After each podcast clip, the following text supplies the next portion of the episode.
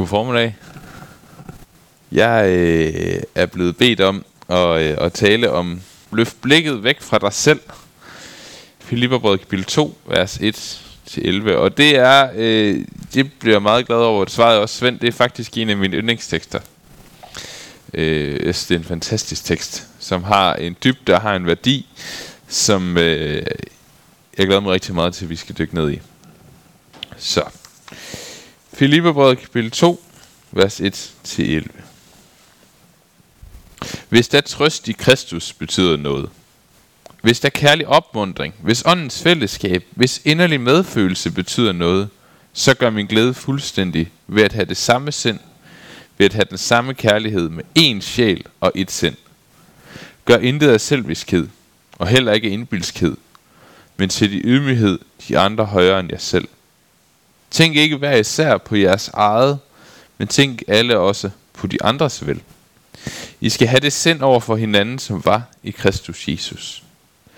Han, som havde Guds skikkelse, regnede det ikke for et rov at være lige med Gud, men gav afkald på det, tog en tjener skikkelse på og blev menneskelig. Og da han var trådt frem som et menneske, ydmygede han sig og blev lydig indtil døden, ja døden på et kors. Derfor har Gud højt ophøjet ham og skænket ham navnet over alle navne, for at i Jesu navn hver knæ skal bøje sig i himlen og på jorden og under jorden, og hver tunge bekende, Jesus Kristus er Herre til Gud Faders ære.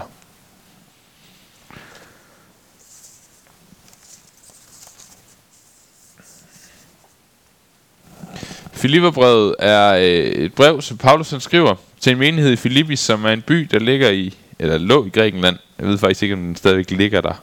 Men det er et brev, der handler om, hvordan det her kristne fællesskab ser ud. Hvordan fungerer det, når jeg er kristen, og du er kristen, og vi skal være i fællesskab med hinanden? Hvad er det, der skal kendetegne det? Hvad er det, det skal basere sig på? Hvad er det, det skal bygge sig på? Og øh, det kan også siges på en anden måde. Hvem er menigheden, og hvem er jeg? Og anden del af den her tekst, og, og den del, som jeg holder særligt af, den her tekst om Kristus. Kristus, der steg ned. Kristus, der gav afkald, og Kristus, der til sidst blev højt ophøjet. Det er en af de mest kendte tekster i det nye testamente. Og øh, man kalder det sådan traditionelt set for Filipperbrevs hymnen. Fordi man ved ikke, altså, det er ret tydeligt, at det er en sang eller et stykke poesi. Det er noget, måde, det er bygget op på. Men man ved ikke helt, om det er noget, Paulus selv har opfundet, eller om det er noget, han har overtaget fra andre. Det diskuterer de lærte og kloge mennesker meget om. Øh, jeg holder mig til det sidste, og, og tror på, at Paulus faktisk bruger en lovsang, de kender. Han bygger så at sige videre på deres bekendelse. Han bygger videre på deres lovsang. Og ud af den, eller på baggrund af det, laver han så at sige et etisk koncept for menigheden. Han siger, jamen den Gud, I bekender jer til, skal I også ligne i den måde, I lever på. Så han bruger så at sige noget kendt til at belære dem. Ja. Og det som de altså skal, det er, at de skal have det sind over for hinanden, det sind som Jesus havde. Og på den her måde, så, gør Paulus, så kan de så gøre Paulus' glæde fuldstændig. Og det, hvordan kan de det? Jo, der er ikke noget bedre, end at være i et fællesskab, hvor der er enhed. Det er faktisk rigtig rart. Det er et godt sted at være. Der, hvor der er enhed, der, hvor der er et sind. Og det er det, Paulus ønsker. Han ønsker, at de må have det her gode enhedsfællesskab. Så. At have den samme, det samme sind, eller måske bedre oversat, at have den samme måde at tænke på. Det hænger ikke sammen med noget intellektuelt. Det hænger ikke sammen med en bestemt viden. Det hænger ikke sammen med et bestemt pensum, som vi alle sammen skal lære. Øh, det er ikke sådan, at og det findes desværre nogle kirker, hvor man gør det. Læs den her bog, og så kan du være med i det her fællesskab. Det er ikke det, Paulus han siger. Det er ikke det, det vil sige at have en sind. Et, sind, et sind og være en. Det er ikke noget intellektuelt. Det er ikke noget med et pensum, vi skal lære. Det handler derimod om følelser, vilje og tankegang. Det er altså ikke et spørgsmål om enighed, men et spørgsmål om enhed. Og det er at have den her vilje som stræber efter samme mål. Som stræber efter at opnå det samme, som har den samme passion, som har det samme ønske. Det er, tror jeg, meningen af at være et sind. Og det er også på trods af forskelligheden. Og der kan være mange ønsker i en menighed, og der kan være mange drømme, og der kan være mange passioner. Men hvad findes det der fælles, som vi går sammen efter? Det tror jeg er et, et spørgsmål om enhed. Mere end at vi alle sammen har fuldstændig den samme firkantede lærer, som vi alle sammen passer ind i. Det er altså et spørgsmål om enhed på trods af forskellighed. Og hvad er det her ene sind, som menigheden skal have? Hvad er det så karakteriseret ved? Jo, vers 3. Gør intet af selviskhed eller indbilskhed, men sæt i ydmyghed de andre højere end jer selv. Ydmyghed, det er et, et lidt et underligt ord, og lidt et, et spøjst ord, fordi i vores samfund, der bliver det typisk brugt på to måder. Det kan enten være, at man øh, ydmyger sig, så stiller man sig under nogen, man giver andre ret, og så trækker man sig, og når ja, lad dem få ret. Eller det kan betyde at blive ydmygt. Når jeg bliver ydmyget af nogen, så bliver jeg trådt på.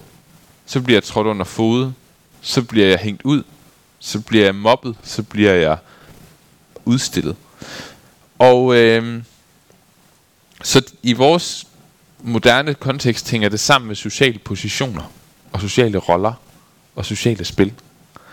Øhm, og, og jeg læste på et tidspunkt en bog af, af en, en, som mente, at, at ydmyghed faktisk har ændret sig, og i dag er et negativt begreb. Ej, hvor er du ydmyg. Det, det, det, er ikke, det er ikke et positivt begreb, og det er simpelthen en, en udvikling, som er, er sket over de sidste par hundrede år. Fordi samtidig med, så har vi også et ydmyghedsbegreb i vores kirker, som også er lidt spøjst. Jeg ved ikke, om I har hørt det her med, ej, hvor er du ydmyg. Og det er, noget, det er noget, man skal stræbe efter. Det er en dyd, ikke? Men det sjove er så, så snart du har sagt, at du selv er ydmyg, så er du ikke længere ydmyg. Den har jeg i hvert fald fået tit. Så hvad er det her ydmyghed for noget? Se, i bibelsk optik, der er ydmyghed et helt centralt begreb. Man kan sige, det konstituerer menigheden. Altså det danner, det former, det grundlægger, grundfester, holder menigheden sammen. Og det hænger ikke sammen med at se ned på sig selv. Ydmyghed i bibelsk optik er ikke det samme som mindre værd. Tværtimod så er ydmyghed, det er heller ikke at ringagte sig selv, men det er ikke at se sig selv som universets centrum. Eller med Paulus' ord i vers 4, tænk ikke hver især på jeres eget, men tænk alle også på de andres vel. Vi kunne i stedet for sige ydmyghed det er måske at løfte blikket fra sig selv. Det kan være, det er det. Det Paulus så gør, det er, at for at forklare, hvordan det her det hænger sammen med den her ydmyghed, så er det, at han hiver fat i den her Kristus lovsang. Fordi hvis der er noget, vi skal forklare, så er det bedste sted at forklare det med, det er Kristus. Og øh, hvordan ydmygede Kristus sig? Hvad gjorde Kristus? Der er simpelthen fire skridt i den måde, Kristus ydmyger sig på. Først i vers 6 og 7, der afsiger han sig sine attributter. Altså, Kristus han regnede det ikke for et rov at have Guds skikkelse. Det er sådan lidt et kryptisk øh, ting, men det handler egentlig om, at Kristus vidste godt, hvem han var. Det var ikke en status, han havde røvet at være Guds søn. Det var ikke noget, han ikke så at sige havde fortjent, og så havde han, havde han stjålet den.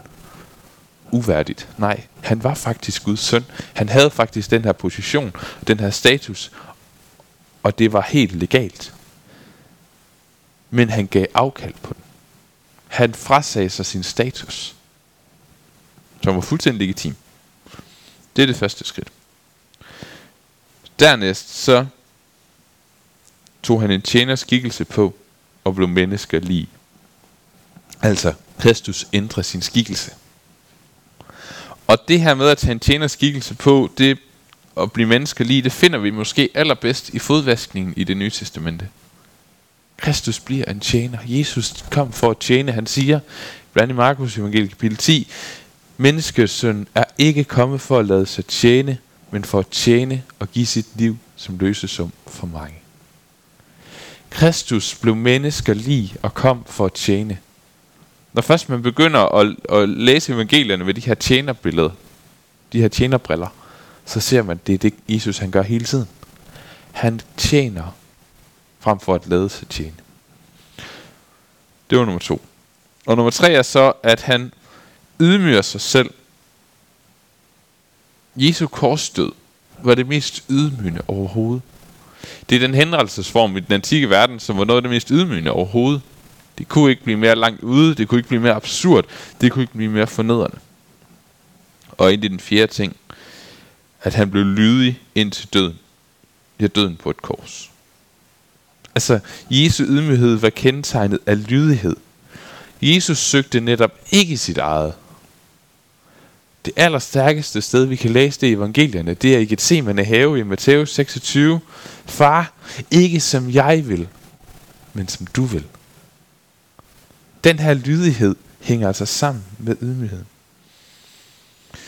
Så Kristus, han kendte sit værd, men han gav bevidst afkald på det. Han frasagde sig sin status. Og jeg tror på, at vi har brug for at forstå det her med afgivelsen igen. Man, man kalder det her, øh, sådan på nørdesprog, kalder man det for kenosis teologi. Og det betyder, det er fordi det her ord ydmyghed kommer det græske kenosis, som egentlig betyder udtømme. Det er så et spørgsmål om, Kristus udtømte sig. En udtømmelsesteologi eller en ydmygelsesteologi. Og så i dele af vores frikirkelige tradition, øhm, der har vi måske ofte betonet den her sejrige Kristus. Jeg ved ikke, om, om I har mødt det her, men, men det har jeg godt nok tit. Øh, I ham, som vi, i hvem vi skal mere end sejre, ikke? De gode gamle sange fra 80'erne og 90'erne. Øh, i den engelske udgave, You are more than a conqueror in Christ, og vi er kongebørn, som skal herske over hele verden, og hele den her herskerterminologi, hele den her kongsmetafor, den her øh, øh besejrings, det her besejringssprog, det her sejrsprog, har måske nogle gange taget for meget overhånd. Så vi glemmer, som en af mine, mine undervisere så godt siger, vi glemmer at være stolte af langfredag. Vi går for hurtigt til påske morgen. Og det er måske særligt i vores tradition, at vi har en, en, en, en, en evne til det, og en hang til det. Jeg tror på, at vi har brug for en teologi, eller vi har brug for endnu andet ord for teologi, er et syn på verden. Et syn på verden, hvor vi bliver mere ligesom Kristus. Ja, Kristus var almægtig. Kristus var Guds søn, men han gav afkald. Og lige sådan så må vi give afkald, og vi må tømme vores egen stolthed, vores egen egocentrering. Og vi må tage en tjeners skikkelse på.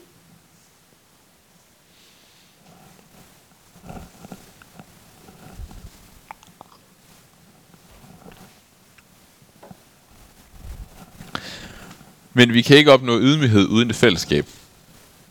Man kan ikke være ydmyg i sig selv. Man bliver nødt til at være det i forhold til nogle andre. Det er sådan grundlogikken i det. Og Paulus' tekst er også rettet mod fællesskabet. Filipperbrevet handler om fællesskab. Og i, i, i hele grundtænkning, faktisk i hele Paulus' teologi og hele den bibelske måde at tænke på er, vi kan ikke være kristne alene. Vi kan ikke være kristne uden et fællesskab. Vi kan faktisk ikke være mennesker uden et fællesskab. Den her tanke med, at jamen, vi er fuldstændig alene over for vor herre, og jeg er mit eget individ, og jeg er mit egen herre og sådan nogle ting, den er sådan, skal vi sige, 250 år gammel. Ikke meget mere. Det, altså, fællesskabet, særligt hos Paulus og menigheden, er alt. Og det er i det her fællesskab, at mennesket har sin værdi. Og vi, vi, vi har for meget en silotænkning. Den der silotænkning med jeg er min egen lille verden, den eksisterer ikke i Bibelen. Der er vi alle sammen en stor kasse. Fællesskabet. Og det, det bedste billede på det, hvor, hvor alle er en del af det her fællesskab. Prøv at tænke på billedet, som Paulus bruger i 1. Korintherbrev. Af lægemet med lemmerne. Vi er alle sammen på Kristi krop. Og hånden kan ikke sige til foden, jeg har ikke brug for dig. Og foden kan ikke sige til hånden, jeg har ikke brug for dig. Vi er alle et i dette læme.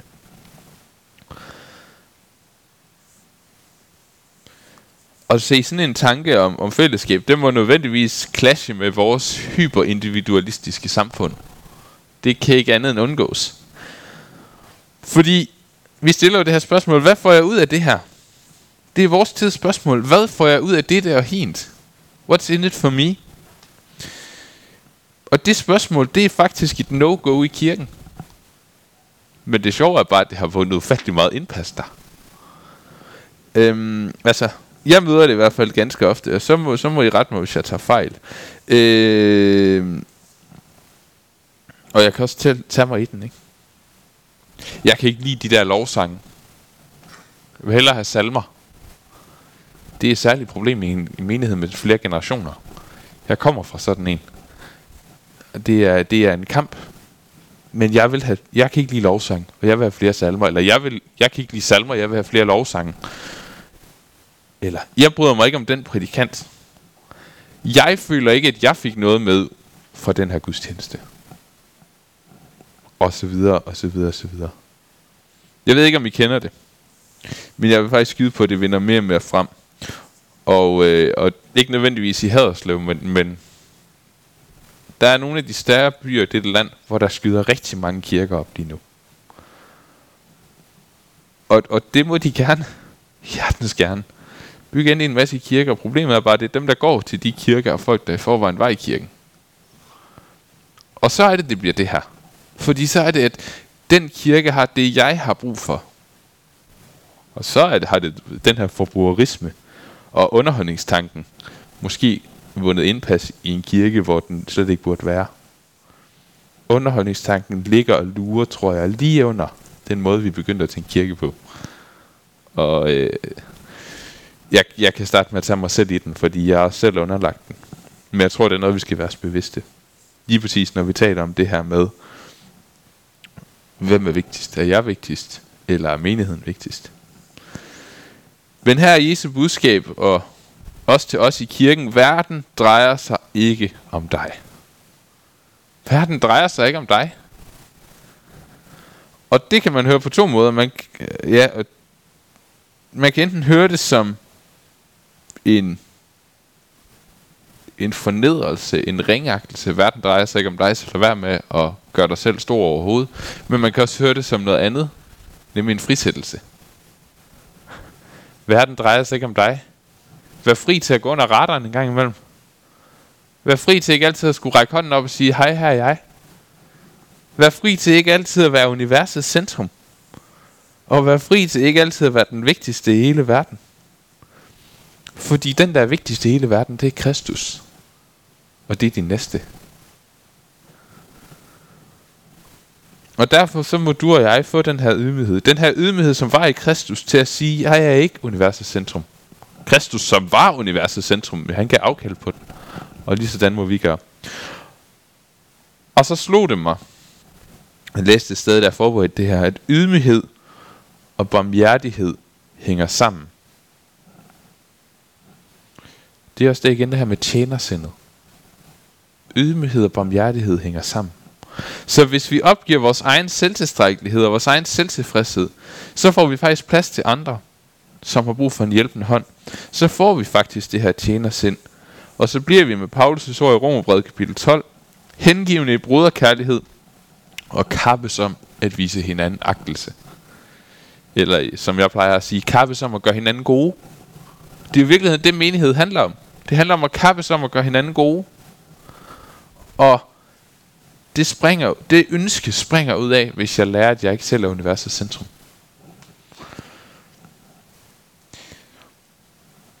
Men hvad betyder det så rent praktisk i den måde, vi tænker menighed på?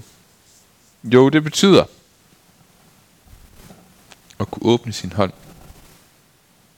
I stedet for at holde krampagtigt fast på min egen ret, indtil min knor bliver hvide, så kan jeg åbne hånden og sige,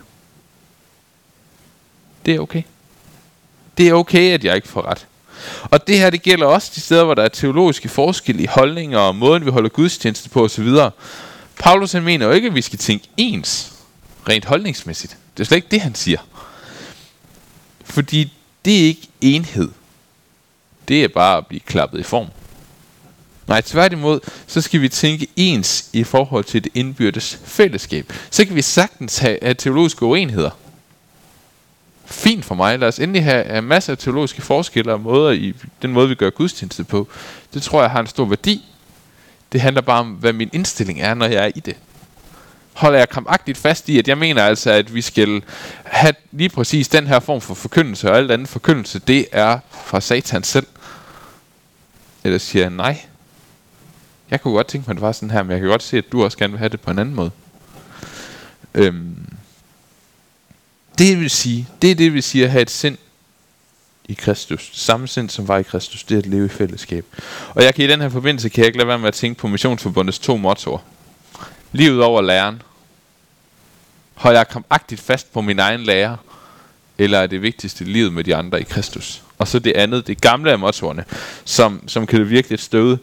Guds børns enhed og sønderes frelse.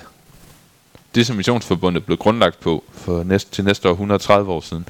Ønsket om Guds børns enhed. Altså at selvom der er forskelle, så er vi stadigvæk sammen. Så holder jeg ikke krampagtigt fast på min egen sandhed, men bringer mig selv i spil i livet med de andre jeg prøvede at undersøge lidt det der indbilskhed, som Paulus han advarer om i vers 3, hvor han siger det her med, at gør intet af selviskhed og heller ikke indbilskhed. Det her med indbilskhed, det er en person, som mener, at vedkommende har den rigtige holdning, men måske reelt tager fejl. Man kan også tale om opblæsthed. En, som kramagtigt holder fast i sin egen holdning, og derfor sprænger enheden de mennesker er giftigt fællesskab. De er gift at omgås, og de er rigtig svære at omgås. Fordi livet med hinanden i et menighedsfællesskab i Kristus, det må altid stå over et forsøg på at holde fast i en anden ret lære om, hvad jeg mener at have fundet ud af, at Kristus er. Ydmyghed til nemlig også at erkende, at jeg ikke har hele svaret. Der er måske faktisk nogle andre, der har fundet ud af noget, der, som jeg kunne lære noget af. Jeg er glad for, at vi i frikirkerne ikke altid har hele sandheden. Men vi kan faktisk godt lære noget af nogle katolikker og nogle ortodoxe og nogle almindelige folkekirkefolk, som måske faktisk har fundet ud af noget, som vi kan lære, vi kan bruge. Og på den måde, så kan vi lære hinanden i fællesskab. På den måde, så kan vi sige, ja, jeg har ikke fat i hele sandheden. Kom, vis mig, hvad I gør. Vis mig, hvad du gør. Vis mig, hvad din praksis er. Vis mig, hvad din måde at tro på er, og lad mig lære det.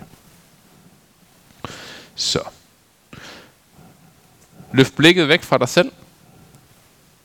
Kristen ydmyghed er ikke en selvtillidsnedbrydende udslætning af min egen værdi, men en erkendelse af, at jeg ikke er verdens centrum. Og til dette, at afgive min egen i centrumstillelse, der vil Gud give åndens inspiration. Og Gud vil give sin hjælp, så vi i fællesskab kan blive opbygget til en kirke, som lever ham til ære, og igennem enheden og bruderkærligheden viser mennesker, hvem Jesus Kristus er. Lad os bede sammen. Jesus, tak fordi, at du gav afkald. Tak fordi, at du stillede dig selv til side for vores skyld. Hvis ikke du havde gjort det, så stod vi ikke her i dag. Tak fordi, at vi får lov at være dit folk i, et, i en tid og i et liv og i et samfund, hvor ydmyghed er tabu. Hvor ydmyghed er negativt. Hvor det at stille sig selv væk fra verdens centrum, og ikke længere være den vigtigste, det er, det er tabu. Jesus, må vi få lov at vise, hvad det vil sige at leve i sand ydmyghed. At sand ydmyghed er at vise tjenersind og bruderkærlighed. Det er at se, at Alting drejer sig om dig, livets sandhed, og vi er alle sammen på en vandring hen imod den sandhed. Hvad enten vi føler, vi er langt fra dig eller tæt på dig, så er vi alle sammen på vandring, også dem vi nødvendigvis ikke er enige med. Må vi lære af hinanden. Bed os for den her menighed. Må de få lov at opleve enhed, på trods af forskellighed. Må de få lov at opleve sand broderkærlighed og ydmyghed. Så man ikke holder fast på sit eget, men kappes om at vise hinanden agtelse og gøre hinanden gode. Jesus, må de få lov at være et lys i den her by, og mennesker, de møder på deres arbejdspladser i deres relationer, hvor de viser, at de ikke behøver at være verdens centrum. Fordi det er du. Du er den, der sidder på tronen. Du er den, der har al magt i himlen og på jord. Men du er samtidig den, som bøjede sig ned til os. Må vi aldrig glemme begge sider af mønten. Amen.